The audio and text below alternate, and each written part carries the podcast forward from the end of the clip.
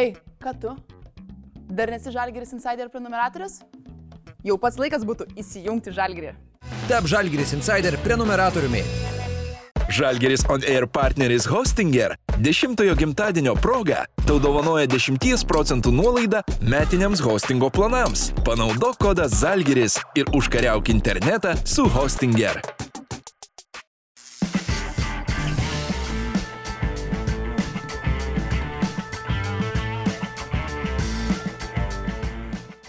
Sveiki, mėlyje Žalgiris Oner tinklaladė žiūrovai bei klausytojai, kad ir kur beklausote mūsų laidų, su jumis e, dar viena mūsų šio sezono tinklalaidė. Ir labai smagu pristatyti mūsų naują šio sezono tinklalaidės svečią, kuris a, įdomu tai, kad dar nebuvo pas mus apsilankęs, bet mes labai laukime jo mūsų studijoje ir jo labai laukia mūsų žiūrovai. Aišku, kalbu apie Kauno Žalgirio komandos gynėją a, ir ne vieną sezoną Kaune rungtyniaujantį krepšininką Luką Lekavičių. Sveikas, Lukai. Sveiki. Pradedant o, mūsų tiklaladę, visada turime tą malonę tradiciją, įteikėme mūsų pašnekoms hostingerio dovanų, tai čia tau džemperis iš karto. Ačiū, ačiū. Ir perinant iškart prie rimtų reikalų, galbūt net ir netokių reikalų rimtų, Šilalė. Šilalė tavo tas gimtasis kraštas, ar kai nėra karantino apskritai, ne sezono metu, dažnai tenka sugrįžti į Šilalę, ar pakankamai praleidai ten laiko? Tai dabar buvau grįžęs už vakar turėjom laisvą dieną, nežinau, tai stengiuosi grįžti vis tiek, yra draugų ten mano, šeima, tėvai, tai esu jau korona persirgęs, tai kaip ir nėra tokios baimės didelės, tai stengiuosi grįžti, aišku, man ten smagu visada sugrįžti. Esu nekart uh, susidaręs įspūdį, kad esi toks savo krašto patriotas, ar ne, nu, labai myli savo kraštą. O Ar jautiesi kaip įžymybė vaikščiodama Šilalį? Nes tai yra 6000 ne, gyventojų miestas, aš įsivaizduoju, kad visi vienas kitą pažįsta ir tikrai žino visi, kas tai yra Lukas Leka. Žinau, bet jie gal tokie ne, nėra drąsus labai, nėra, kad ten prieitų kažką, ten prašytų nusifotografuoti ar, ir taip toliau. Jie tiesiog atpažįsta turbūt, bet, bet nėra taip, kad ten kažkokia žvaigždė jaučiausi, vaikščiačiau, visi žiūrėtų ten ar kažkas tokio. O dar turi savo tą vaikystės krepšinio aikštelę? Ar jinai dar likus tokia, kokia buvo, galbūt net renovuota, rekonstruota, kaip ten yra? Nėra. Buvo, bet dabar nugriovė, tai buvo labai gaila. Jie ten planuoja statyti e, teniso kortus, kiek, kiek, kiek žinau. Tai atvažiavau kažkada ir po, pamačiau, kad nugriauta, tai buvo labai labai gaila. Širdis suspaudė, ne? Tikrai taip. O dar toks visiškai neįtemo klausimas. Aš žinau, kad būna tie garsiai potviniai šilutėj, o šilalę jie paliečia ar nepaliečia tie potviniai? Žinokit, ne, mes šiek tiek toliau nuo vandens esam, tai gal dėl to. A, tai ramu viskas, ne? Ten, ten viskas gerai. A, vėlgi, aš irgi kaip ir tu esu, esu kilęs iš nedidelio miesto, iš Rokiškio, tai žinau, kad kartais nelabai būna ką jaunimui įveikti tuose miestuose, kai jie auga. Ir aš susidariau įspūdį, kad tu būdamas uh, dar labai jauno amžiaus, krepšinio aikštelėje mirgdavai nuo ryto iki vakaro. Ar tu gali papasakot, kaip, kada tas prasidėjo, tas visas krepšinio bumas tavo gyvenimo, nuo ko viskas taip? Galiu, turbūt nuo, nuo brolio. Brolis važiuodavo, skrizavo į Ameriką mokytis jau tuo metu, kai man buvo 11 metų, berots 11-12 ir kažkada grįžo kažkuria vasarą, pasakė man, viskas jau pribrendai sportui, jau turi pradėti sportuoti. Ir, ir tai pradėjau. Pradėjom su broliu kartu vasarom, tiesiog sportuodom, eidavom, mėtydavom, visokius pratimus darydavom. Tai nuo to ir prasidėjo turbūt. Sakau, buvau dar labai jaunas, net neprisiminsiu kiek metų, bet tikrai kokį 11-12.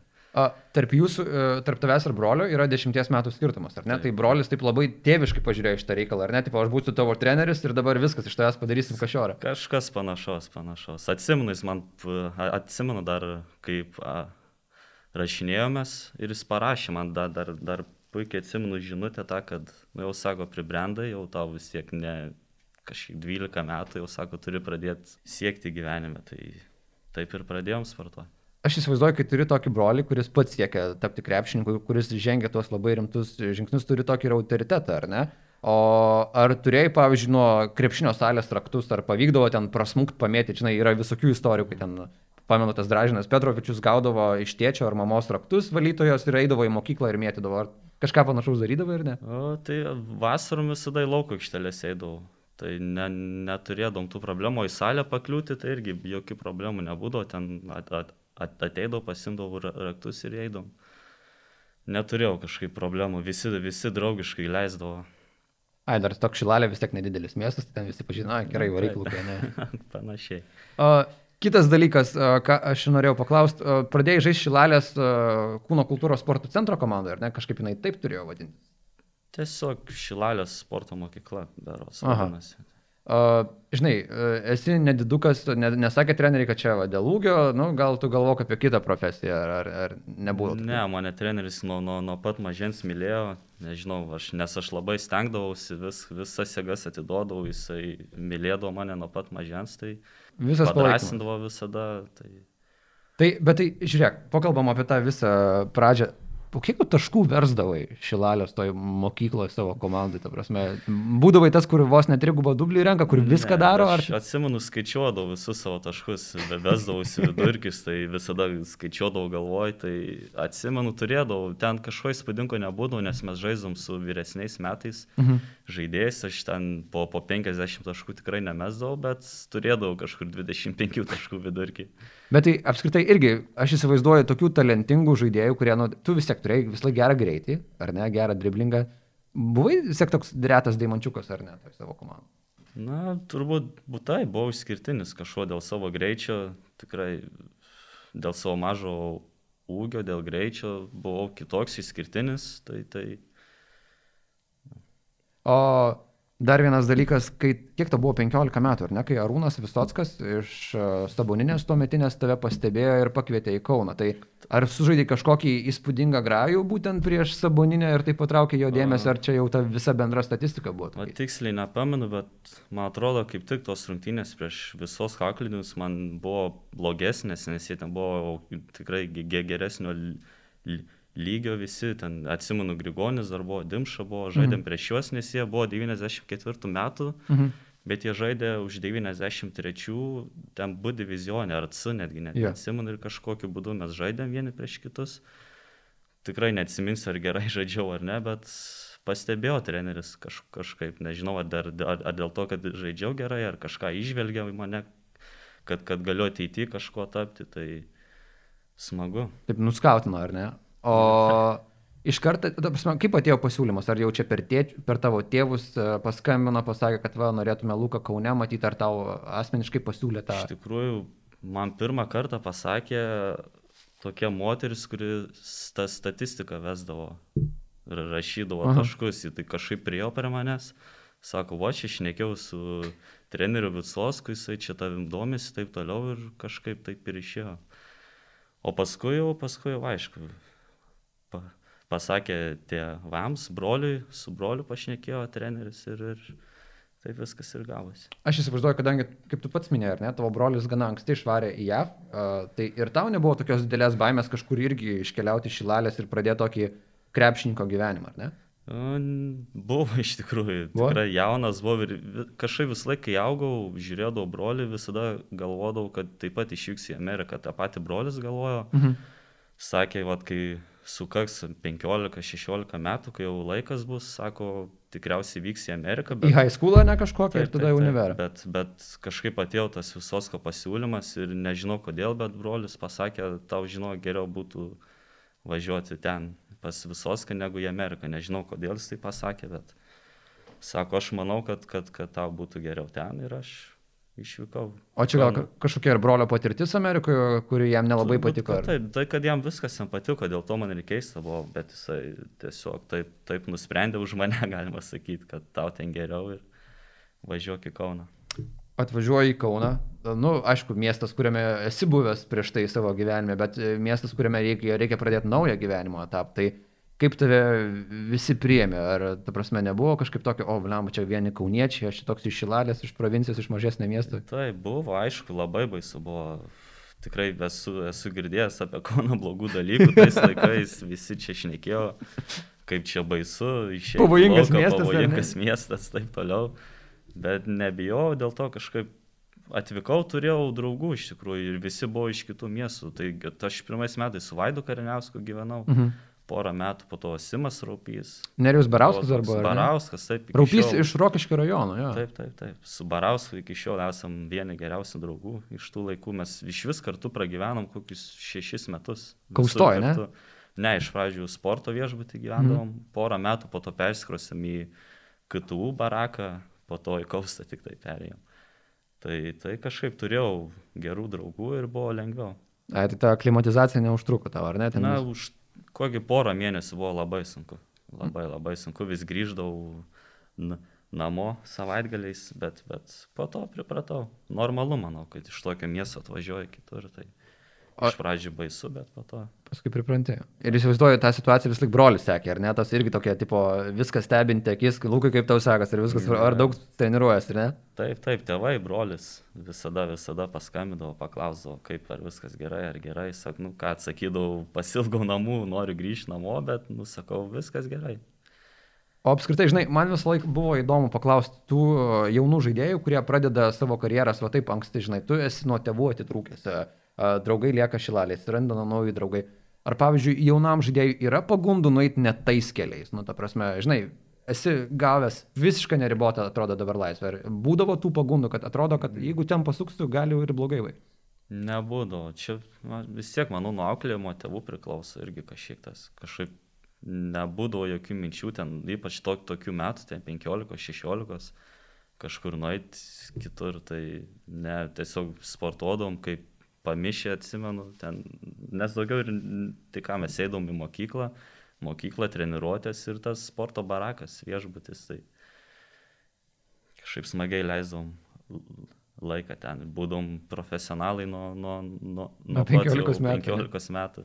Tai ką, atsikeli ir e, iš karto pavalgęs, varai kažką pasitreniruoti, ar ne? Lengva E. treniruoti, ir paskui mokyklą, ar kaip? Nu, kaip, skirtingai, iš pat pradžių, tie pirmi metai būdavo, būdavo dar dvi treniruotės rytinės uh, Sabonio mokykloje. Mhm. Ten būdavo labai anksti 8 val. mes iš sporto barako dar ten reikėdavo kokį pusę valandos su, su troleibusais važiuoti. Tai tai būdavo dvi rytinės, paskui mokykla būdavo, po to grįžti vėl į treniruotę vakarinę ir, ir, ir viskas. Velnas tokie režimė visiškai buvo, ne? Ja, taip, po to jau kaustojau, lengviau būdavo vis tiek ir šalia viskas tam pačiam pastate, nereikia niekur važiuoti. Tai...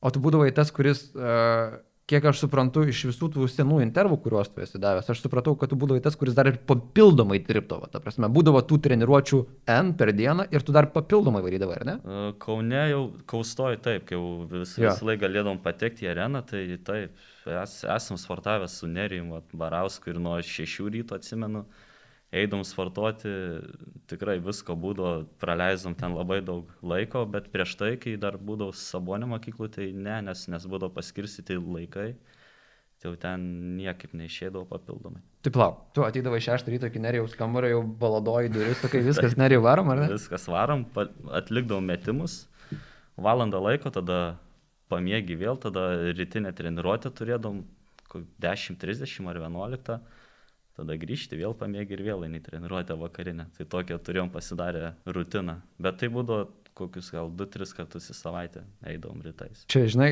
tu paskui ir toks visiškai mamba mentality iš tavęs sklinda, ta prasme. O tai kaip, kaip tu gali paaiškinti, iš kur motivaciją? atėjo? Ar tu supratai, kad jeigu, tarkim, žinai, kaip mėgsta sakyti, jeigu aš tą dieną nedirbsiu, kažkas tą dieną dirba ir mane aplenks, tai iš kur tu ateina tavo tam? Ta aš man sunku pasakyti, iš kur ta motivacija. Tiesiog, tiesiog pri, pri, pri, pri, privalau sportuoti, turiu tokį mentalitetą, kad jeigu, kad jeigu noriu gerai sužaisti rungtynės ir toliau turiu daug dirbti, tai tiek ir taip ir darydavau. Nėra ten kažkokio kažkas ten, kad ten wow darydavau. Tiesiog ateidom ten šeštą ryte, pamėtydom kem penkias minutės. Nuo, nuo kobės dar tikrai tol, tolokai man. Bet patekai į moksleivių krepšinio lygos iš pradžių, ar ne tą visą lygmenį.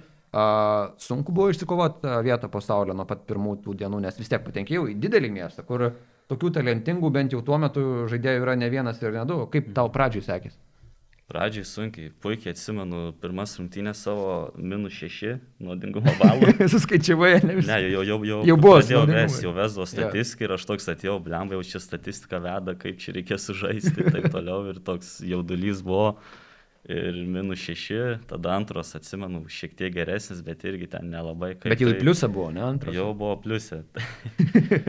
tai, tai sunku buvo iš pradžių. Bet labai greitai viskas pasikeitė. Po to jau pripratau ir, ir buvau jau ten, nežinau, vidurkį gal vis tiek aš toks būdavau vi- viduriukė, ten turėdom Grigonį, Dimšą, kurie yeah. ten po tos savo 20 ten ir daugiau taškų darydavo. Aš toks būdavau viduriukė, ten po 10 taip toliau.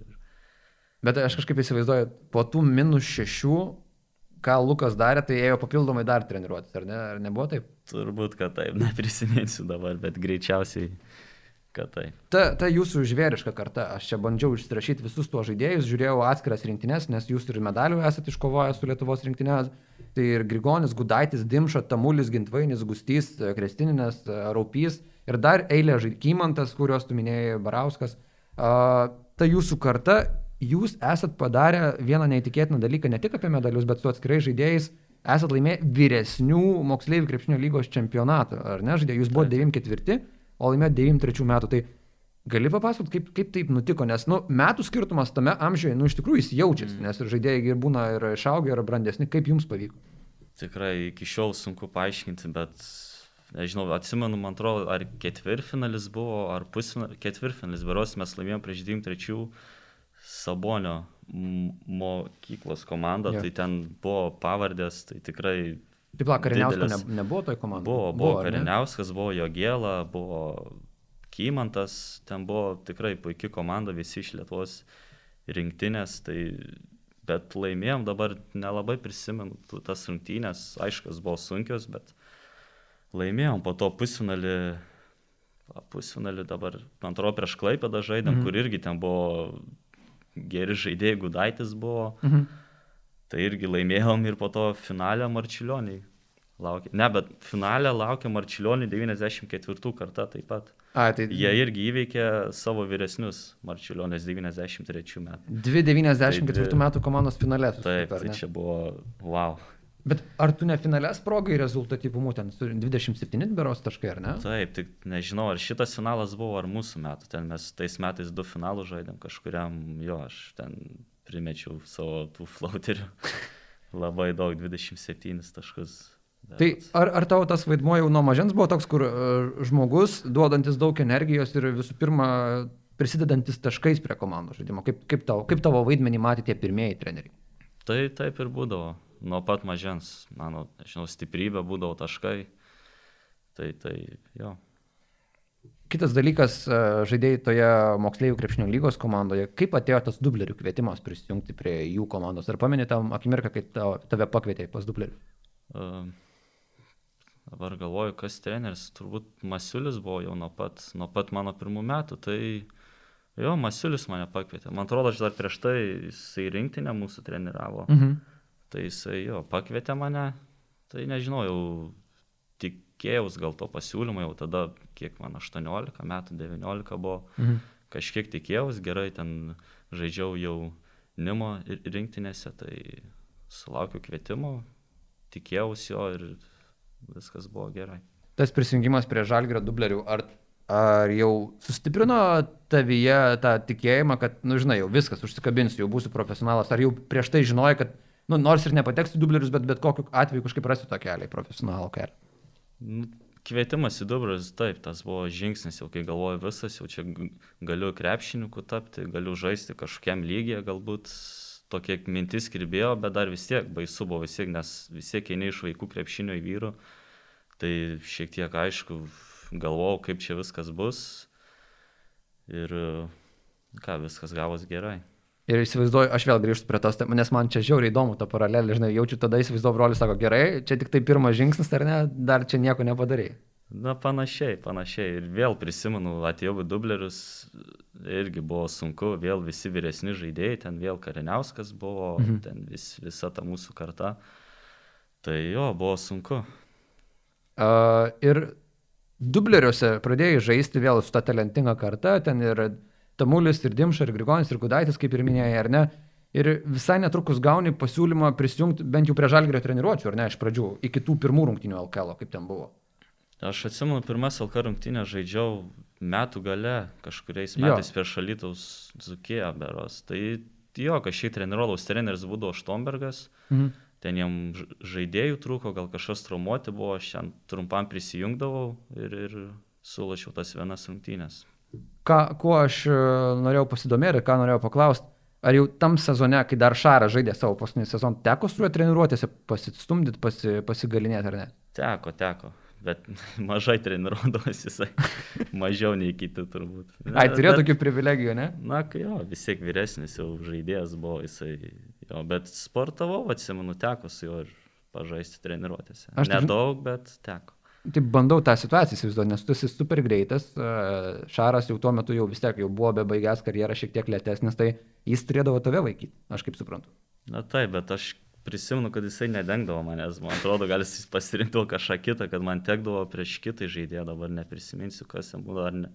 E, Dentmanas gal. Denmonas, jo, jo, buvo tam. turbūt, kad aš kažkaip prieš jį labai daug žaisdavau, atsimenu. Tai O- Šaras, nežinau, gal pasislinkdavo per kitą poziciją, kai aš įeidavau į aikštelę. O nebuvo to, žinai, ta prasme, ar buvo pirminis šokas, kai patekai į žalgerio vyrų treniruotės, kad wow, ar, ar aš čia sugebėsiu, ar tiesiog dirbai savo darbą ir, ir bandai pasižiūrėti, ar tau pavyks. Kaip, kaip ten buvo? Tai buvo šokas, aišku, iš pat pradžio ateini visi ten vyrai suaugę ir stipresni ir atrodo greitesni, tikrai bus taip toliau, galvojau, kas čia dabar bus. Bet kai at- ateini į aikštelę, užsimiršta viskas, tiesiog dirbi savo darbą ir tiek. Šilaliai e, turėjo kilt nu, nemažas sprogimas, kai tu de- debiutavai tose rungtynėse su Alitaus Zukie. Ar tu buvai pirmas apskritai iš Šilalės kilęs žmogus, kuris debitavo žalgirį? Nes kažkaip bandžiau ieškoti, bet neradau, nebent tu gal kažką gali man paaiškinti. Kad žalgirį turbūt pirmas. Tik iš mūsų rajono dar Marijonas Petravičius yra. Jisai žalgirį nebuvo. A, bet, bet bet su ryto Eurokapą laimėjo, tai taip, bent jau taip, kažkas tokio. žaidėjas, tai negaliu pasakyti, kad aš čia pirmasis toks tokiam lygyje, bet jo vienas iš nedaugelio. Tai bent jau LKL iš Šilalės yra rungtyniavęs Linas Lekavičius, Lukas Lekavičius ir Marijonas Petravičius, ar ne? Yra Jonas Selvikis, A, El... Šilalės. Jo. Taip. O daugiau LKL, turbūt kad viskas. Iki penketo dar trūksta vieno kažkokio žaidėjo. Dar, dar. Bet, bet, bet, bet iš, iš NKL turim labai daug, tai surinktume, Šilalė tikrai galėtų surinkti gerą komandą. O beje, va, kaip tik norėjau paklausti, NKL turit galų gale komandą. A, Tas irgi toks įvykis neįlinis, aš įsivaizduoju, tavo metu, kai nebuvo tos NKL komandos, jūs kažko panašaus visą laiką laukdavot, ar ne? Ar, ar seki tuos rezultatus, ar yra tavo draugų žaidžiančių toje komandoje? Seku, seku, žiūriu ru- rung- rungtynės, netgi ne visas, aišku, bet kiek galiu pasižiūriu. Tikrai įdomu, yra pažįstamų veidų ten. Pasižiūriu, tik tai sezonas susiklosė labai prastai ten mums, tai, tai tikriausiai iškrisim į Arkalą, bet netgi regionų lygui turėti komandą šilalį nėra blogai. Manau, kad, kad tas, tas, tas lygis auga pas mus ir turėtų visas būti gerai. Nesida- Pastatysim areną dabar, vat, kaip tik statom. A. S- Yra statoma, tai tikėkime, kad kai pastatys, gal nežinau per kiek ten metų, kada baigsis statybos, bet galbūt jau turėsim stabilę gerą komandą. O kiek žada vietų toje arenoje? Nežinau, turbūt gal 500 ir kažkas. Nu, žodžiu, kad už, NKL -ui- užtektų NKL. NKL tai pilnai užteks. Aš vis laik galvojau, kad va tokie žaidėjai kaip tu, žinai, yra kartais rajono valdžios atstovų arba uh, sporto žmonių iš to rajono yra uh, klausinėjami, Lukai, ar baigsi karjerą šilaliai. Tai ar nesidavęs tokio žodinio pasižadėjimo, kad, nu, karjeros pabaigoje sužaisiu dar vienus metus. Nesu dar nesiūlę, pažįstu komandos vadovą, bet dar kol kas nesiūlė, bet tikrai, kai ta karjera eis į pabaigą, manau, sulauksiu tokio pasiūlymo.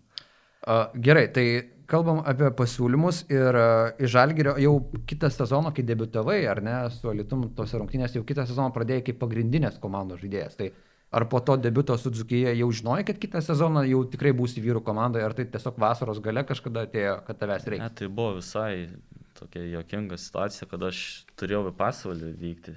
Ai, žaisti pieno žvaigždės, ar ne? Taip, aš jau galvojau, kad ten kažkaip šnekėjom su agentu, taip nusprendėm, kad pasvalys man siūlo. O norėjo. treniravo, ar ne, tuo metu tikriausiai? Manau, kad taip. Ja. Jis tai kažkaip jau nusprendėm važiuoti ten, bet aš turėjau kontraktą su Žalgiriu. Mes taip nusprendėm ten, bet pas, paskambino Paulius, pasakė, niekur nevyksi, būsi čia pas mus ir viskas. Tai tuo ir baigės. O tai nebuvo kažkokios baimės, žinai, nu, tipo, aš lyg ir galėčiau pradėti karjerą žemesnio lygio komandai, bet gauti minučių, o Žalgiris man siūlo, nors neaišku, kiek aš žaisiu. Nebuvo Tai tokio? buvo, buvo, tai aš ten Žalgirį buvau kaip ketvirtas žaidėjas, nes buvo Malik Veinsas, buvo Vaidas? Vetsvagaras ir buvo Vaidas ir buvau aš. Tai Mhm. mes keturi buvom, tai aš jau galvojau, ką aš čia darysiu, Eurolygui ten jokių šansų. LKL, e gal kokį vieną kartą kitą išbėgsiu. Tai buvo tokia baime. Dar, dar tais metais žaidžiau studentų lygo, atsimenu, aišku, ten visai kitas lygis, bet, na vis tiek galvojau, be bent jau ten kažkokios praktikos gausiu, tai taip bijojau, galbūt labiau norėjau pasvalį prieš pat sezoną, bet taip kažkaip Paulius Matijūnas pasakė, lieki čia, tai ir likau. O kiek, nežinau, iš kitos pusės taip galvojant, nu ir tas pats Kasparas ir Vaidas, jie yra jauni žaidėjai, jie nėra tokie patyrę, kad negalėtum jų visiškai nukonkuruoti, nenukonkuruoti ir taip toliau.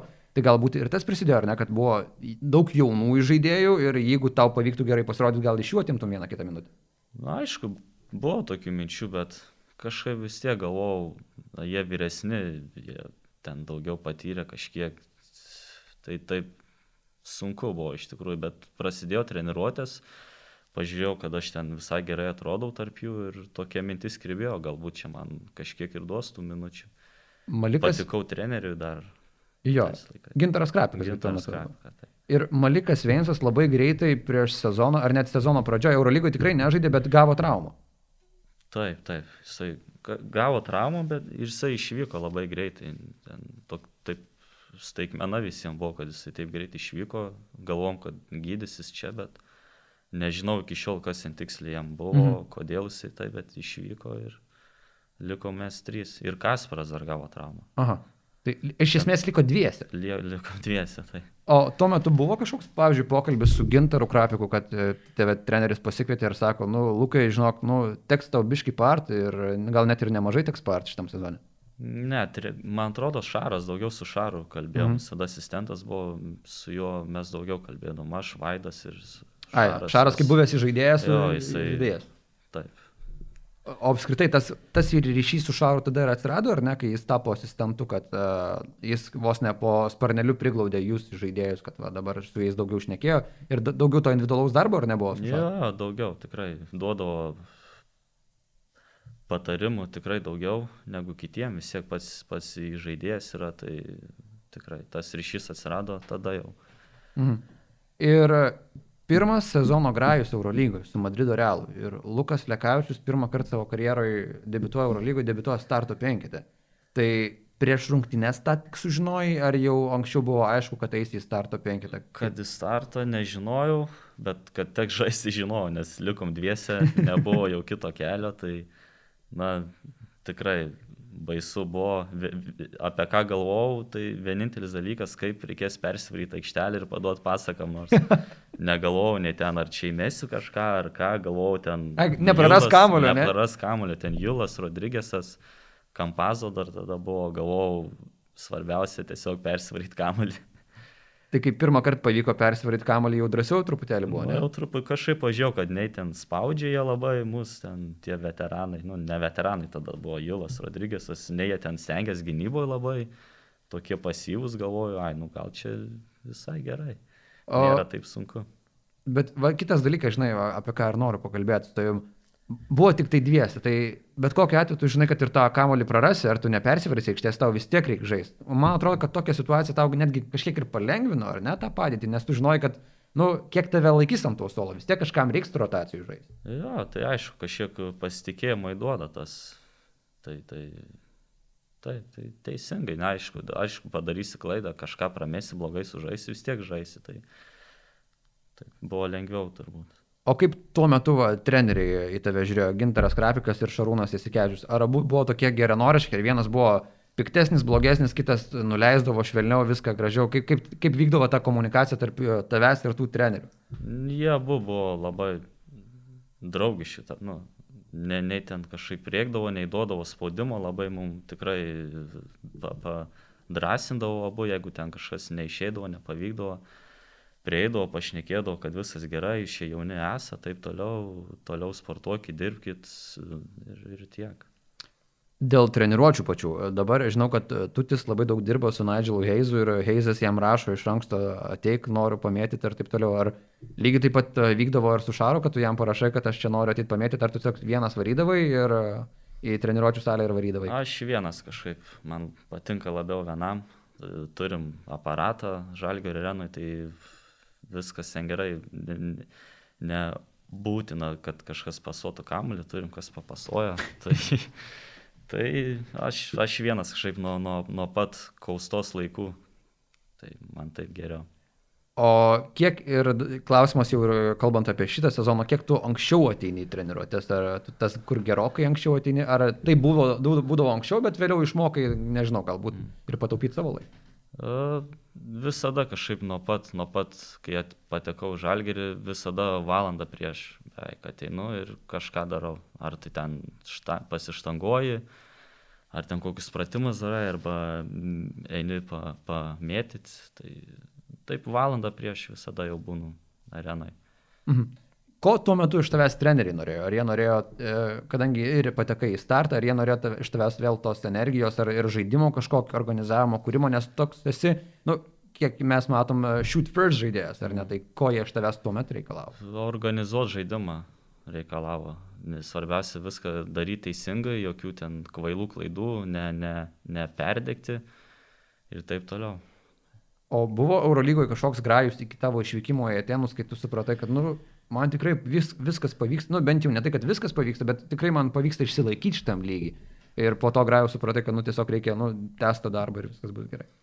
Pirmais metais nebuvo tas sezonas ten kažkoks įspūdingas, ten pradžioj viskas gerai vyko, bet po to vis tiek kritau į dobelę, atsimenu. Tai taip, nežinau, po pirmo sezono gal ne, bet tas uh, trečias sezonas mano buvo pats geriausias, kur jau tikrai galvoju, kad galiu čia žaisti ir galiu išsilaikyti šitam lygiai. Čia buvo tas sezonas, kai su Bambergu pirmėtai 29 berods. 29, tai. Ir tai buvo sezonas, pi- pirmas pilnas sezonas, kai Šaras jau vadovavo komandai, ar ne? Taip. O, o kaip viskas keitėsi tas bendradarbiavimo klausimas irgi, kaip viskas keitėsi, kai Šaras tapo vyriausiųjų treneriu? Ar, ta prasme, ar asmeniškai jau su juo jau mažiau tekdavo dirbti, Taip, taip, taip, daug mažiau. Tada vis tiek vyriausias treneris, jis šnekėdavo apie ko, ko, komandą daugiau, ten asmeniškai kartais prieidavo prie kažko, aišku, pasišnekėdavo, bet tas darbas asmeniškai jau būdavo tikrai, tikrai daug mažesnis. O kiek apskritai uh, tu gali pasakyti, kad Šaras tau įdėjo to viso įžaidėjų funkcijų per tą pirmą tavo karjeros etapą žalgyrį, kiek tau įkalė tų visų sistemų, kiek, kiek tu, nežinau, gal pats esi dėkingas iš jo to Tai, išmoktų. manau, labiausiai kai įdėgė, tai kad, kad kaip svarbu krepšinėje smulkios detalės yra, ką jisai visada kartoja. Tai tą labiausiai įdėgė ten paruošti pick and rollą, ten, na, visokių smulkių krep, krepšinio elementų. O daugiau tai nemanau, kad kažką jis ten labai visi mes esame skirtingi žaidėjai, jisai organizuodavo, būdavo bosas, pasuodavo visiems ir taip toliau. Aš esu skirtingo tipo, tai neišmokais manęs flauterių mėtyti ir, ir ten greičių neįdėjo jis man, bet, bet sakau, tų visokių smulkių krepšinio detalių tikrai davė daug. Apskritai, labai įdomi ta pokalbio tema apie tavo flauterį. Čia, aišku, tikrai nepradėjai kažkada tik žalgryje jo daryti. Čia jau atėjo matyti nuo, nuo labai mažų dienų, kai reikia išvengti aukštūgio bloko. Tai a, kiek laiko apskritai skiri tam flauterio, nežinau, ne tai kad tobulinimui, bet jo ir toliau tolesniam gerinimui per treniruotę. Dabar jau nebe tiek. Aišku, prieš šimtinės ten pamėtai kažkiek ir flauterius, ir tritaškius, ir visus savo metimus varžybinius, bet tas atėjo vėl grįžtant nuo moksleivių lygos, turbūt kai dar šilalį buvau. Mhm. Kadangi visi būdavo daug, daug, daug aukštesni už mane, tai reikėdavo kažkaip permesti juos. Mhm. Tai taip ir išsiugdžiau tą flauterį, turbūt mėčiau, mėčiau per aukštus žmonės ir, ir įstrigo taip. Aš žaisdamas mėgėjiškam lygmenį žinau, kad uh, prieš kairiarankius sunkiau yra gintis negu prieš dešiniarankius, vis tiek tai yra specifika kitokia. Kiek, kiek tu pats pajauti irgi tai, kad ta tavo kairė ranka irgi varžoms ne visą laiką yra labai paranki.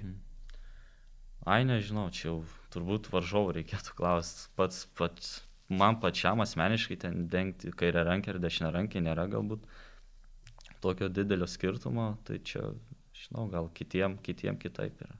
O Eurolygoje, kai pradėjai žaisti tą pirmą savo karjeros pusę už Kauno Žalgirį, jauti, kad varžovai dar tavęs neįtin gerbė, pavyzdžiui, pirmą sezoną, kad, ai, nu čia išėjo kažkoks jaunas žaidėjas, e, nedidukas žaidėjas, čia galim ir prieš jį truputėlį lengviau gintis. Nebuvo tokio iš pradžių neįvertinimo, o paskui, o, gerai, reikia prieš šitą rimčiau. Nepajaučiau šito, bet atsimenu, kad pradžiai būdavo ten ir varžovai ją pačiai eidavo, ten prie pick and roll, ten jau galėdavo lengviau įsimesti. Mm. Turbūt truputį mažiau skirdavo dėmesio, taip atrodė kartais. Mm. O paskui, paskui, aišku, kažkiek keitėsi, bet šiaip nepastebėjau, kad labai jau kažkaip būtų.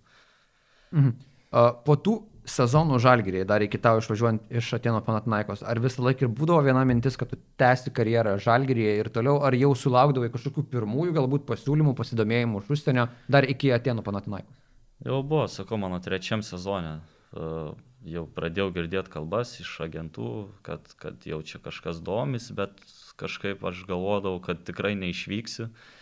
Tokia vis tiek ta ir baime dar, nežinau, ja. taip galvoju, čia namai, viskas gerai, viskas žinoma, patogiai jaučiuosi, ai, niekur man čia nereikia.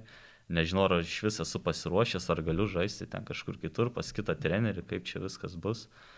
Tai sulaukdavau to dėmesio, bet galvodavau, kad, na, turbūt neišvažiuosiu.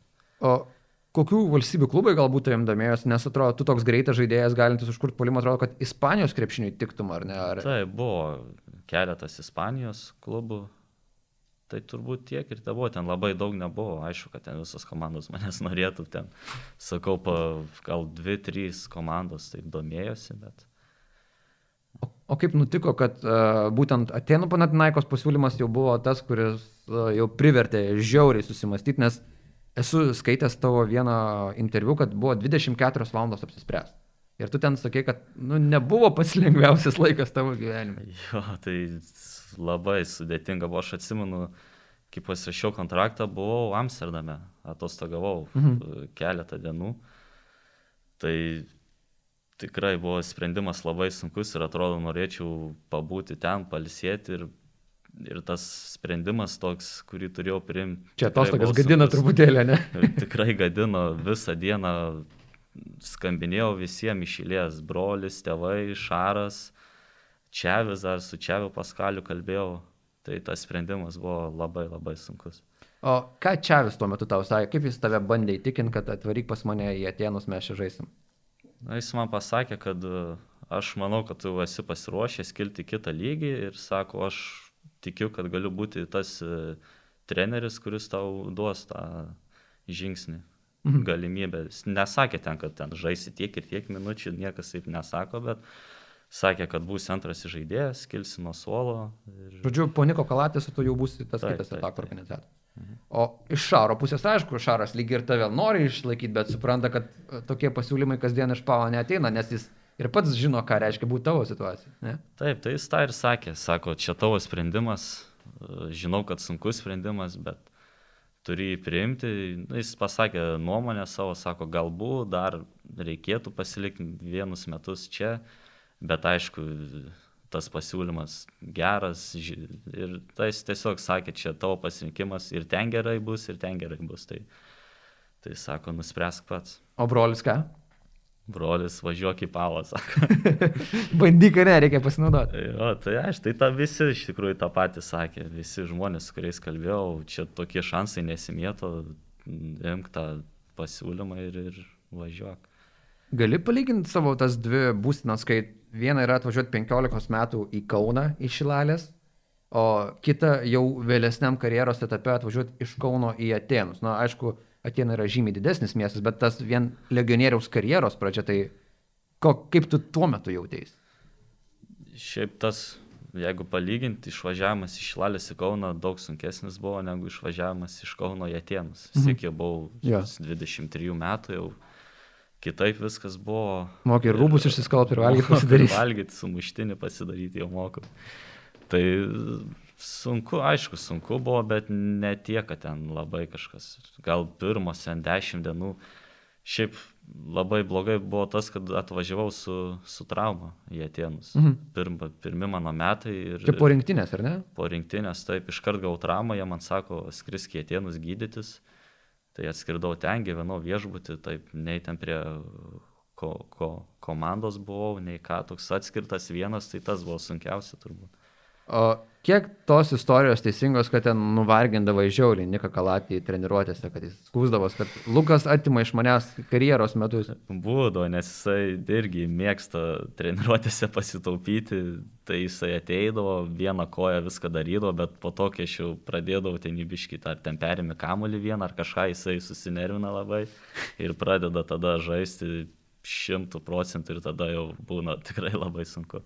Bet tai nuostabu žvelgiant į tavo karjerą, kad tu turėjai Šarą šalia ir turi tokį žaidėją kaip komandos draugą kaip Nika Kalatį. O kiek jis buvo linkęs dalintis informaciją, nežinau, kažką patart, kažką pasakyti, kad va, Lukai geriau taip darytum, geriau ne taip. Kaip. Jis kažkaip netiek daug. Ten kažkokių patarimų, na, pas jį talentas būdavo tikrai aukščiausio lygio, jis ten tokių pasų pridalindavo, kad ten neaišku, ar galima pa, pa, patarti kažką ten kai, kai turi talentą tokį, tai jis viską darydavo iš talento, ten jo, jo pasai būdavo neįtikėtini, tai aišku, kažką patardavo ten momentais varžybų metu ten daryk gal tą geriau tą, bet kažkokių didelių patarimų ar kažko nesulaukdavau. Bet kaip žmogus, aprasme, jis buvo tikrai puikus. Ten ir paskviesdavau kartu, ir pavalgyti, nueiti, ir eidavom kartu. Toks buvo tikrai svarbus žmogus man atėnusi. Uh, pats gyvenimas Atenuose, gali truputėlį papasakoti, nes miestas tai žiauriai fainas, iš tikrųjų. Ir žiauriai gražus, ir daug, daug vietų, kur gali nuvaryti, ir žmonės yra, aišku, tokie nelietuviai, jie truputėlį laisvesni, pietiečiai. Tai kaip tau patiko pats gyvenimas Atenuose? Labai, labai patiko. Tikrai, kaip ir sakei, miestas didžiulis, gali kiekvieną kartą surasti kažką skirtingo nuveikti, ar ten į skirtingas vietas pavalgyti. Ten, nu tikrai, ir, ir, ir turėdavau to laisvo laiko gan daug, nes e, prisimenu, treniruotės dažnai būdavo ryte ir rytais. Vieną mhm. kartą pasportuodom, ten 11 ar 12 val. ir ten nuo kokių dviejų jau tu laisvas. Tai, Visą dieną, ar ne? Jau? Tai spėdavau ir prie jūros nuvažiuoti po treniruotčių kartais. Tai puikus miestas, gyvenimas tikrai buvo labai geras. Ar teko pasinaudoti uh, savo kaip Panatinaiko žaidėjo privilegijom? Nes ten, nu, kaip ir Žalgris Lietuvoje yra jau visiškai šventas dalykas, taip ir Panatinaikos uh, Graikijoje yra tas dalykas, kurį visi puikiai supranta, kad čia yra irgi šventas reikalas. Tai tekdavo savo išnaudoti, nu, privilegijas kažkokias? Ne, aš net ne, nesu tas žmogus, kur ten ateis, ten į restoraną sakysiu, ten, ei, aš, aš žaidžiu duok man pavalgyti už dyką, ar kažkas tokio, man aš tikrai toks nesu. Bet yra tekę, yra buvo taip, kad, kad ten atsimenu, atėjau vieną restoraną, tai jo, ten davė pavalgyti, sako, o tu čia žaidi pavo, tai tau uždyka ten taip toliau, bet keletą kartų taip. Mhm. Bet žmonės, žmonės tikrai ten išprotėjo dėl pavo, visada miestėini, kažkas ten šau, šaukinai tokie drąsesni žmonės. Čia pas mus gal nėra tai, bet ten eini jau šaukiai iš tolo, o leka, leka. O kaip tavo santykiai su Janakopulu? Ar jis dažnai pasirodydavo komandos gyvenime, ar nežinau, ar bendraudavo su žaidėjais, kažkur kviesdavo komandos savininkas? Uh, būdavo renginių visokių, ten gal ne tiek daug, bet keletą renginių per sezoną, kur ten visi ateina pavakarieniauti. Uh, O kad jis ten lystų į mūsų vidų komandos tikrai nebūdavo taip ir ką čia spaudoje rašė, ten, žinau, kad visi galvoja, kad čia labai lenda į tą mūsų gyvenimą, čia taip toliau, tikrai taip nėra, jisai gal pas mus į treniruotės buvo atėjęs keletą kartų, mhm. bet dėl to atėjo, nes, nes prastai e, rungtyniavom tuo metu ten, nežinau. Čia kaip ir GM pareiga, ar ne? Kaip ir normalu, aišku, jis ateidavo, ten apšaukdavo mus keletą kartų, tai Bet ten, kad pastoviai lystų į mūsų ten vidų komandos tikrai nebuvo. Tai. O pats Čiavi Paskualis, e, teko apie jį girdėti, kad yra vienas iš tų trenerių, kuris turi didžiulę derinių knygą, e, kuris su savo žaidimo schemom sumala galvas varžovom. Tai kaip tau patiko žaisti pas jį? E, sudėtinga buvo, turbūt dėl to, nes tikrai turėdavo tų derinių labai daug ir reikėdavo vadovauti komandai, ten ir kadangi tų derinių tiek daug, dažnai būna, kad kažkas užmiršta juose. Dažniausiai aukšti žmonės. užmiršta ten kokį derinį ir tada ka, ka, kaltė yra ma, mano, nes, nes aš turiu jiems paaiškinti, kur tu turi nubėgti. Jo, žinot, kaip varžybų metu sunku yra vis tiek padaryti tą. Tai nu, kažkiek sunku būdavo, bet Bet aišku, jis irgi mėgdavo tą greitą krepšinį, tai kažkiek privalumų turėdavo, bet jo, derinių tikrai turi labai daug. O kai Maikas Džeimsas atėjo to sezono pabaigoje, tai tavo irgi vaidmuo, nu, automatiškai keičiasi, ar ne? Tai ar supratai, kad čia jau gali būti tavo buvimo Panatinaikos komandoje jau pabaigos pradžia, ar, ar ne? Jo, keletą kartų tikrai galvojau, kad jau viskas, jau, kad reikės krautis daiktus, nežinau, kurį sezoną Maikas, pirmą ar antrą? Pirmą, pirmą, pirmą pabaigojo. Pirmą pabaigojo, jo. Na, gal pirmais metais, ne, aš atsimenu, antrais metais jau galvojau, kad viskas. kai ten turėjau tokią blogą atkarpą labai, kai atleido Čiavi, prieš Čiavi atleidimą, tada žaidžiau labai prastai, ten mažai žais gaudavau, taip toliau, galvodavau, kad galiu viskas, o kai Džeimsas atėjo pirmais metais, negalvojau, kad, kad čia jau kažką, vis tiek turėjau dviejų metų kontraktą. Mhm. Ir čia visi irgi šnekėjau su agentu, sako, viskas gerai, jis dar jaunas, pirmi metai, mes jo tikim ir, ir viskas bus gerai su juo. Aš įsivaizduoju, atina Rikas Pitino, tai yra žmogus iš kitos planetos, lyginant su Čiavi Paskvaliu, ar ne? Žmogus, kuris mėgsta po rungtinių kalbėti apie savo patirtį NBA, apie kaip jis dirbo su Larry Birdu ir taip toliau. Tai taip ir jautėsi, kad atėjo visiškai kito, kito, kitos pasaulyje žiūros žmogus. Taip, taip, atsimenu, pirmas mitingas mūsų buvo, tai jisai nežinojo, nei kokioj pozicijoje mes žaidžiam, nei kas mes esam, nieko, tai mes turėjom kaip ir prisistatyti per pirmą. Taigi aš Lukas Lekavičius. Taip, taip, jis pasakė, jis turi pasakyti vardas, pavardė, kokioj pozicijoje ir iš kur esate. Tai sakau, aš Lukas Lekavičius iš Lietuvos, aš žaidėjas. Ir, ir tai... visa komanda. Taip. Tai jis, bet jisai tiesiai šviesiai, jisai prisipažino, sako, aš, aš žinau tik Niką Kalatėsą iš tos komandos, neįsivaizduoju, kas jūs tokie visi esat. Žodžiu, bent jau atvirom kortom sužaidė, ar ne, jau neapsimetė, kad aš žinau, ar ne? Neapsimetė, tai jo. E, ir įdėjo tau greitai Skywalkerio pravardę, ar ne, čia labai taip lengvai savo pasilengvino gyvenimą, ar ne, kad, ai, ne, kad nebūtų čia lekavičius problemų, tai bus Skywalkeris. Ja, aš iš vis išgirdau per interviu, man atrodo, pirmas rungtynės buvo jam vadovaujant prieš CSK ir jisai per ilgą pertrauką ten pasakė, man atrodo, nes užmiršo mano vardą, aišku, jam sunku tiek daug atsiminti buvo, tai jo, aš, aš po rungtynių pats išgirdau tą interviu. Ir ir, ir, ir pri, prilipo tą pravardė ir vis, visą sezoną mane taip vadino. O kiek prie jo buvo to tokio bardakėlio žaidime, kiek buvo tos laisvos improvizacijos, e, lyginant su tuo, ką Čiavi Paskualis darė, nes Paskualis, aš kiek suprantu, yra tas griežtesnis treneris žaidimo atžvilgiu, jis viską sustatys į rėmus. Bet Rikas Pitino atrodo toks laisvesnis buvo, ar ne paukštis? Taip, taip. Tai viskas stovėdavo ant, ant Niko Kalatės ir jo organizavimo. Nelab turėdom, aišku, ten tų derinių kažkiek, bet viskas būdavo labai laisvai, Nikas atsivaro ten pick and rollas, pasas, pasas ir, ir viskas. Ten derinių kažkokių labai ilgų, ten būdavo kažkiek, bet labai minimaliai. O tai ko jūs iš tavęs norės, kad uh, Skywalkerį varyk į aikštę, ten prastuk porą pick and rollų? Iki šiol nežinau, ko jis iš manęs norėjo, bet tikrai būdavo taip, kad išinu į aikštelę per kokias tris minutės ten įmetu penkis taškus, žaidžiu labai gerai ir žiūriu, jau keičia mane. Uh, Tipo, reikia kalačio gal, ne? Tai, jo, tai jis man po to pasakė, po sezono prisipažino, sako, žinau, kad čia turi daugiau žaisti, bet mes turim Niką, mes taip negalim. Na, bet vis tiek ten būdavo taip, kad Nikas 35 minutės žaidžia, jau matos, kad jisai pats pavargęs, o man ten 5 minutės duoda, net jeigu aš ir gerai žaidžiu. Tai, na, jo toks sprendimas buvo ir jisai yra treneris, jis sprendžia viską. Tai tas antras sezonas baigėsi, tu supranti, kad tavo vaidmuo toje komandoje jau vis tiek yra ribotas ir baigėsi kontraktas. Ar Žalgris ir buvo ta pirmoji opcija, į kurią tu norėtum vėl grįžti, ar buvo vėl kitų pasiūlymų ant stalo, reikėjo tik tai išsirinkti geriausią? Ne, buvo. Tai mes pasirašėm anksčiau tą kontraktą, iš tikrųjų, ten, mhm. žinau, kovo, balandžio mėnesį. Ar jau, jau tiesiog buvo įramus, sužinojai, ar ne? Jo, nes galvojau, kad aišku, kitur važiuoti, nesinorėjau vėl kažkur vėl pas kitą trenerį, vėl gal bus kaip pas Pitino, ten duos penkias minutės, niekada nežinosi, kur važiuoji, tai nusprendžiau grįžti čia, kur, kur Šaras yra, pažįstu trenerį, žaidėjus, tai gan, gan pasirinkimas lengvas buvo. O klausimas e, dėl šaro, sugrįžimo į šaro sistemą. Ar buvo lengva vėl įsilieti tą pačią sistemą, nuo kurią tu žinai kaip du kartu, nes šaras būtent to ir nori, kad žaidėjas naktį prikeltas, jie žinotų. Mm. Tai koks buvo tas įsiliejimas tau?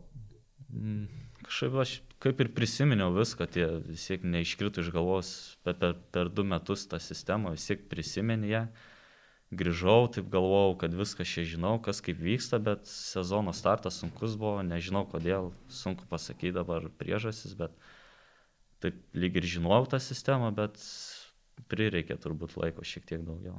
Ar Šaras per tuos du metus, kol tu nebuvai komandoje, jautėsi, kad jis yra paaugęs kaip specialistas, ar nežinau, kažko patobulinęs savo ir tas derinių knygas ir taip toliau, ar tiesiog buvo kažkoks toks įspūdis? Nelabai, kad jau nuo pirmų metų jisai galbūt, aš nežinau, Šaras daugiau tų tokių derinių, tokius staigmenų turėdavo deriniuose, ten kai, kai rašė, kad po, po, po taimauto jisai labai gerai, gerų derinių turi. netikėtų tokių, tai ant to, manau, patobulėjo, nes pirmais metais tik ir mažiau jų būdavo, bet po to, kiek jau žiūri rungtynės, visada žalgeris po taimauto ten sukurdavo tokį derinį, kur ten laisvas iš pokrepšio veik turi mes. Tai gal ant to kažkiek patobulėjo daugiau, žinau, viskas išliko tas pats. Uh, ir grįžtame prie Martino Šilerio temos. Uh, Martinas Šileris, na, iš esmės, man jis kuo panašus į Pitino atrodo iš to savo tokio laisvo bendravimo, ar ne, toks atviras žaidėjai treneris, bet skirtingai negu Rikas Pitino, Martinas Šileris atvykęs į Kauną, jis tikrai žinojo, kas tu esi, ar ne, tai kaip buvo tas pirmas susitikimas su juo. Tikrai žinojo ir prieš jau kai pasirašė, jisai man paskambino ir prieš, prieš sezono pradžią kalbėjom porą kartų, viską žinojau ir kur žaidžiau ir taip toliau, jis jau buvo išsianalizavęs. greičiu bėgi. jo.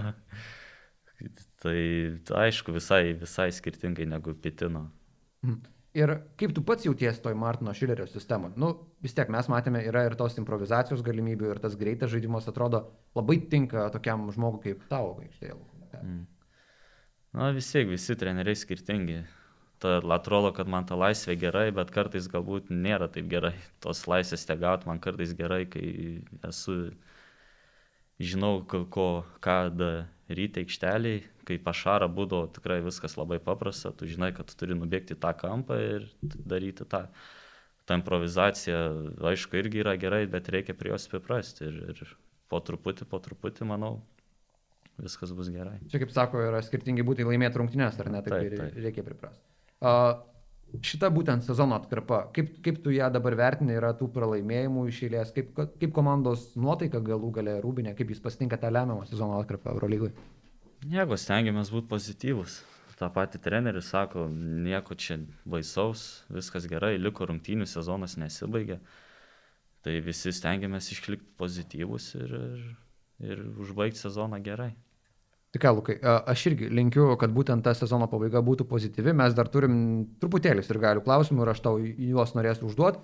O prieš ir galių klausimus aš tiesiog noriu priminti, kad tie, kas jau turite savo interneto puslapį ar planuojate jį kurti, paklausykite, nes Žalgiris Onier partneris Ostinger dovanoja jums papildomą 10 procentų nuolaidą metiniams svetainių talpinimo planams. Kaip jie pasinaudoti, ogi viskas labai paprasta. Apsilankykite adresu hostinger.lt slash žalgeris ir įvesk nuolaidos kodą žalgeris ir užkariauk internetą su Hostinger.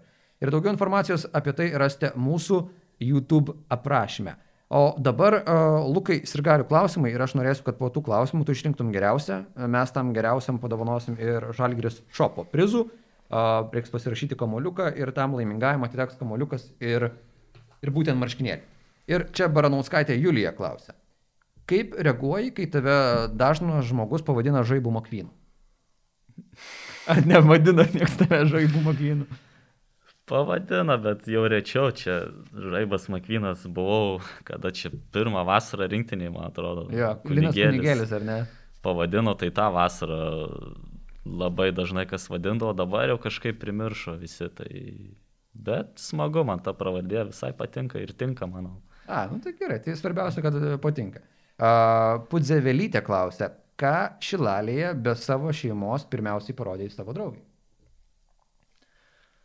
Parodžiau namus, kokie jie yra kitokie negu Graikijoje. Jis tikrai labai nustebo, kad čia pas mus žali, geltoni, kaimuose ypač tie namai, sako, Būtent namų spalvos, ne? Jo, visa, nu, viskas, vad kaip jie atrodo, tai labai jai tas patiko, ką dar aprodžiau, gamta turbūt, gamta labai patiko. Bet jūs klausytėm, turit gražios gamtos, ar ne? Taip, taip. Tai nusivedžiau šilalės pušyną. Ir, žinau, šilaliai, jai tikrai tas mies miestelis patinka, viskas ten labai gražu, ramu. Taip, Tai yra- užskai, užskaitė žodžiu, ne? Užskaitė. Tai. Gerai. Uh, Tomas klausia, kokioje šilalės vietoje praleidai daugiausiai laiko ir kuri šilalės ar jos apylinkių vieta tau gražiausia? Daugiausia laiko praleidau lauko aikštelėje ir šilalės pušinę, kur kiekvieną rytą bėgiodavau ir po to eidavau į aikštelę pamėtyti. Tai... O dabar, kai, kai tarkim grįžtų, kai, uh, nežinau, turbūt šilalės pušinė. Ten tikrai labai gražu pasivaikščioti, dabar kai šunį dar turiu, tai išvedu į ten. Tai tokia tobula vieta pasivaikščioti. Tobula vieta. Tai. Gerai, Beatričia klausia, kurį patiekalą galėtum valgyti kiekvieną dieną? Kiekvieną dieną makaronus turbūt. Na, ok, ok, toks sportininkų patiekalas. Amosovienė klausia, kuri mokytoja gimnazijoje buvo geriausia tau? Kuri mokytoja? Hmm. Gal turėjai tokią, kuri atlaidžiausiai žiūrėdavo, kad reikėjo praskipinti pamokas? Oi, dabar kaip sunku prisiminti, nes dar dvi mokyklos, taigi Kaune buvau ir Šilalį, tai nežinau apie kurią čia. Nu tai šilalį, tarkim. Šilalį, kuri būdavo atlaidžiausia, galbūt matematikos mokytoja. A, bet ir Norvelėne. Ir svarbus dalykas toks dar, jo. Taip, tai jinai atsimenu, suprasdavo mus, jeigu ten dar rungtynės būdavo tą dieną, nors ir daug anksčiau, tarosme vėliau rungtynės dar lyg ir spėčiau nueiti tą pamoką, bet ten pasakydom, norim palsėti truputį, gal galim. Čia Norvilinė, ne? Taip. Tai linkėjimai Norvilinė, jūs prisidėjote tikrai prie Luko Lekavičius karjeros. Uh, Pukuotas Mešinas klausė, kurių metų jau pradėjai žaisti geriau nei brolis? Ar apskritai buvo tai? Žaisti viens, vienas prieš vieną mes kažkaip mažai rungtyniavom. Tai Bet jūs, a, jūs LKL esate žaidę vienas? prieš Esam vieną? žaidę. Jo, Taip, taip, taip. Tai, o šiaip, kad atmest ant metimų, tai aš atsimenu jau dar prieš išvy, išvykstant į Kauną, jau man ten 14 metų būdavo, aš atsimenu jau jį O jis atmesdavau. jau profas būdavo, ne tuo metu? Jo, jis jau tada žaisdavo Amerikoje. Tai aš jau tada jį atmesdavau, atsimenu. O viens prieš vieną, na, jis iki šiol dar tikrai yra stiprus ir man turbūt būtų problemų, dar, dar netgi dabar. Bet Pa, jis 6 cm turi pranašumo ūgį, tai jis bandydavo paustapin gal prieš tave, ne? tai kažką? jeigu žaisime, tai kito kelio jam net nėra, turbūt tik tai ant paustapo eiti. A, žaliai baltas klausimas, čia įdomus klausimas. Ar esi įdėjęs į krepšį? Tikrai esu ir ne kartą. E, O rungtynių metu, kaip tu galvoji, įmanoma tau tą padaryti ar ne? Rungtynių metu esu įdėjęs, esu įdėjęs studentų lygoj, e, KTU salėje.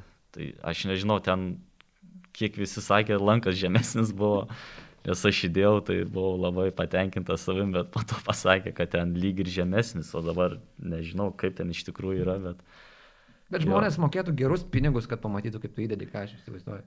Na, man užeina taip kartais po gero apšilimo, aš jaučiuosi, kad tikrai galiu įdėti, aš, aš įdedu.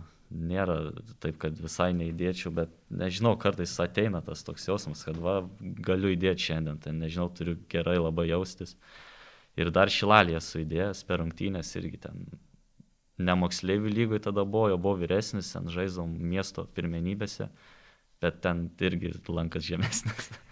bet įdedu ir normalų lanką tikrai. Gerai, čia, čia dar ateičiai mes tikrai norėsim pamatyti tą klipą. Čia irgi labai gražus klausimas. Aistis klausia, kokia reakcija buvo tavo, kai sužinojai, kad apsitėjau? Puikiai. Nežinau, kokia kitokia gali reakcija būti. Tai labai džiaugiamės. Tikrai ne, ne, ne buvo taip, kad ten planavom labai, kad ten, o čia būtinai dabar jau turim daryti tą vaiką. Neplanavom labai stipriai, bet atsitiko, tai abu, tai, tai, tai tapo tokia mini staigmenėlė ir be galo džiaugiamės. E, Labai buvo fa tas fainas video, ar ne, kai uh, sužinojot, kokia bus jūsų būsimo vaikučio lytis, ar ne. Ir čia buvo tavo draugės taigmena, aš įsivaizduoju. ar ne? Čia jinai viską galvoja, taip tikrai ne aš sugalvojau šitą idėją, jinai labai, jai viskas įdomu, viską nori daryti, tos gender party ir taip toliau, tai ji viską sugalvoja. A, Čia dar buvo vienas klausimas, ar aš nepamenu, ar aš jį tiksliai įtraukiu, bet aš labai noriu jo paklausti. A, Tavo draugė buvo įmetus Insta story berots, kad jinai mokosi lietuvių kalbos.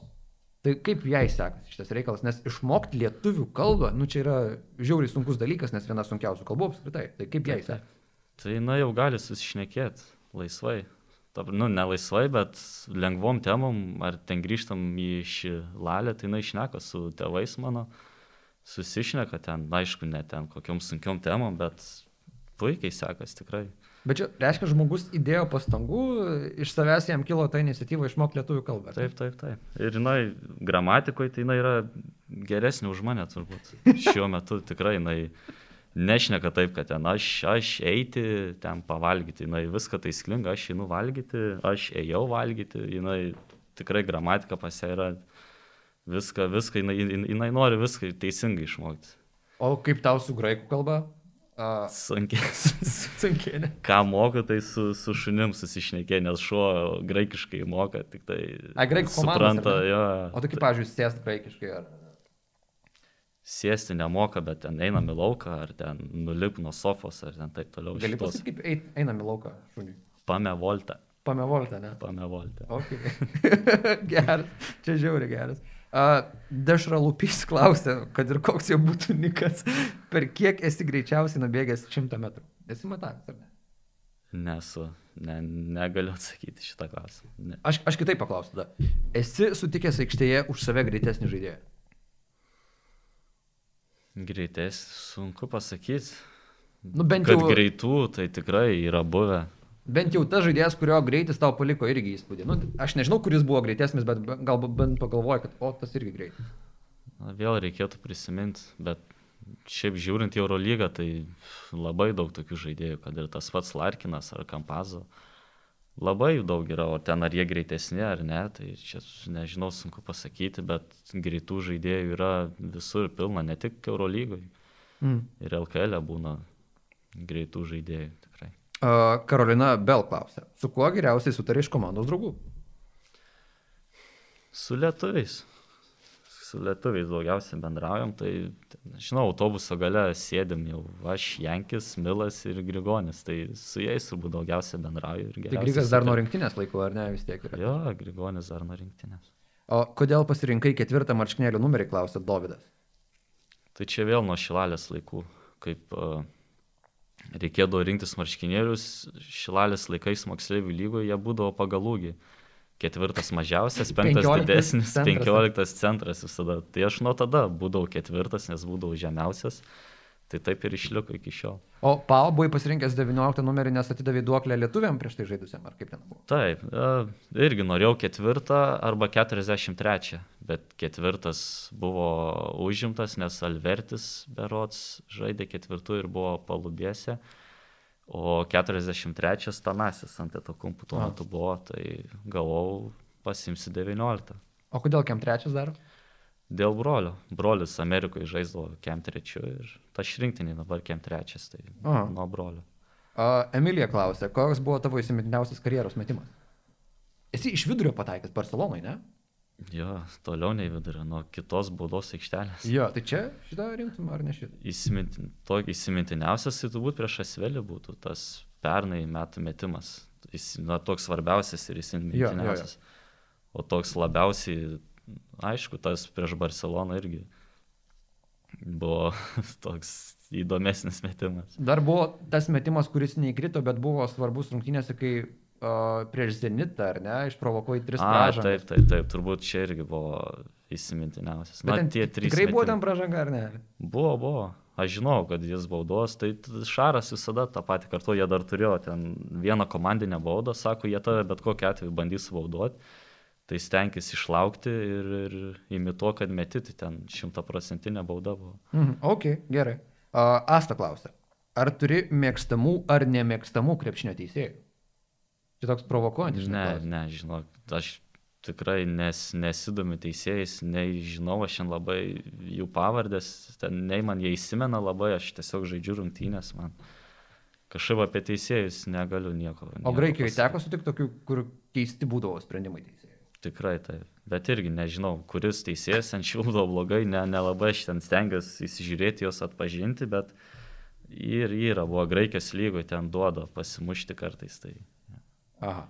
Uh, Rimavičius Nojus klausė, kuriuos tris komandos draugus pasiimtum į trijų mėnesių karantiną sodyboje.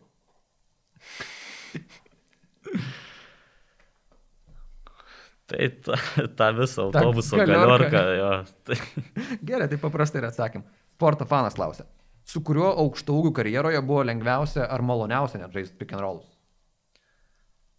žinokit, turbūt su, su Jeftoku, Robert. Ai, Žinau, man patikdavo, jis ane? geras užtvaras statydavo, rolindavo, leisdavo po krepšiu gan gerai. Įmesdavo tą savo flauterį, aš pa, pa, pasuodavau jam dar toliau nuo krepšio, jis turėdavo tą flauteriuką tokį ir man asistų būdavo, ne, ne, nesugadindavo. Šiaip jo, su juo turbūt. Tai labiausiai. geras užba- užbaigėjas ir dar statistiką pagerina. Taip. A, kokios tavo įsimintiniausios rungtynės iš mokyklos laikų, klausė dėdė Edvinas. Įsimintiniausios rungtynės iš mokyklos laikų. Tai čia dar kai šilaliai buvau turbūt. Nu, tikriausiai jo, galim pasirinkti. E, Žinau, prisimenu vienas rungtynės dar, kai mečiau lemiamą metimą, čia šilalės pirmenybėse, bet man ten 14 metų buvo irgi žaidžiam prieš daug vyresnius, vyresnės komandas. Tai atsimenu, įmečiau lemiamą metimą flauterį, tai tas buvo labai, turbūt iki šiol dar atsimenu, tai gal tas ir įsimintiniausias. Nu jo. A, Kyba klausė, ar kada nors galvoji, kad su tavo ūgiu bus sunku žaisti Eurolygai? Negalvojau, neturėjau tokių minčių kažkaip. Mhm. Žinau, visada, nes aš kažkaip nesijaučiu aikštelį, kad ten esu labai žemas. Nu, turi kitų privalumų. Jo, kažkaip gynyboje galbūt jo sunkiau, bet kai esu polime, tarkim, pilna jėga bėgu, aš šiaip nesijaučiu, atrodo prieš aukštus žmonės, tą galiu įmesti, tai kažkaip nesijaučiu labai žemas ir tokių minčių neturėjau. Uh, Ugne klausė, dėl COVID, tu persirgai šitą lygą COVID-19, ar labai buvo ta sunki pati lyga, kai ją sirgai, sirgai ar po to nejauti kažkokių pasiekmių? Mm, Nebuvo sunku.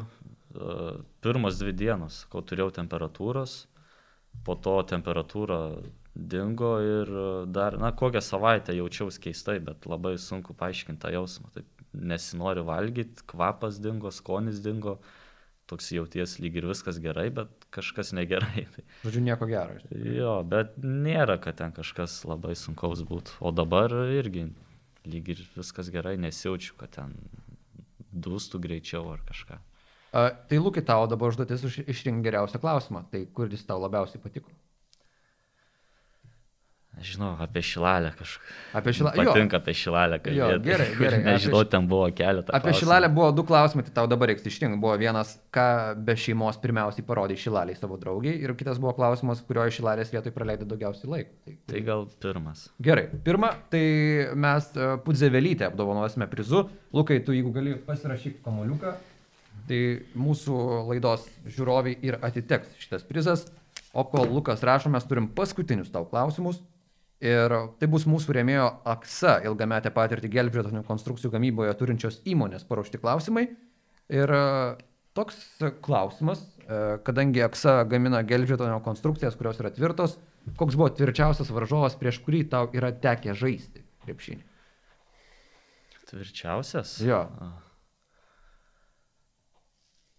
Čia mano pozicija? Ar... Nu, net nežinau, žinai, žinai, būna kartais svičina, apsikeičia ir e, matai, kad nieko prieš jį nepavyks ir taip toliau. Ar, ar netgi gynėjas, kuris buvo žiauriai tvirtas. Tai kuris tau įsiminė gal pačiam?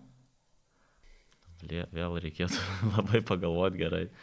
Bet taip greitai, šiaip gerą kūną, kūną kampaco turi tikrai. A, jo, jis toks mažiukas, Ne grėsmas. tik bet... tai, kad jisai greitas, bet pas jį ir kūnas yra gan tvirtas ir jisai ten kažkur pastumti truputį ir mėgstantis ten.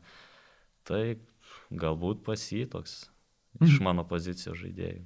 Ir dar vienas klausimas, į kurį mes jau atsakėme, atrodo, nes ar e, yra iš Ilalės daugiau profesionalo lygį pasiekusių žaidėjų? Tai mes kalbėjome apie Petravičių, apie Elvikį, kuris žaidė Taip. LKL, Liną Lekavičių ir tave, ar ne? Taip, turbūt LKL tiek. Nežinau, bijau dabar pameluoti, dabar kažkas įsižeis, jeigu Nu, bet čia neprisiminsiu, bet turbūt, kad atvirą, jeigu ką, jeigu Jo. komentaruose parašys. Ir uh, toks klausimas, į kurį atsakymas man atrodo labai aiškus. Ar Lukas norėtų žalgrį atlikti lemiamus rungtynių momentus paskutinėje atakoje, kurie nulemtų laimėtas ar pralaimėtas rungtynės? Ar pats ryštumės tokiem metimam? Tai aišku, jeigu galimybė yra, aišku, priklauso nuo si, si, situacijos ten, kur vis tiek treneris nubraižo derinį ir taip toliau, bet jeigu galimybė yra, jeigu ten matau, kad aš ten prieš silpnesnį varžovą kažką, tai drąsiai galėčiau tai padaryti. Lukai, tai linkim tau tokių metimų, linkim komandai pergalių ir ačiū, kad e, šiandien apsilankė mūsų Žalgiris Aner studijoje. Ačiū. O šią tinklalaidę kartu su Luku Lekavičiumi, aišku, jūs galėsite rasti ir mūsų Žalgirio YouTube paskyroje, Spotify ir visose kitose medijų platformose, kur galite tiesiog surasti Žalgirio paskyrą. Likite kartu, e, stekite Žalgirį ir toliau palaikykite Žalybą. Žalgeris On Air partneris Hostinger 10-ojo gimtadienio proga tau dovanoja 10 procentų nuolaidą metiniams hostingo planams. Panaudok kodą Žalgeris ir užkariauk internetą su Hostinger.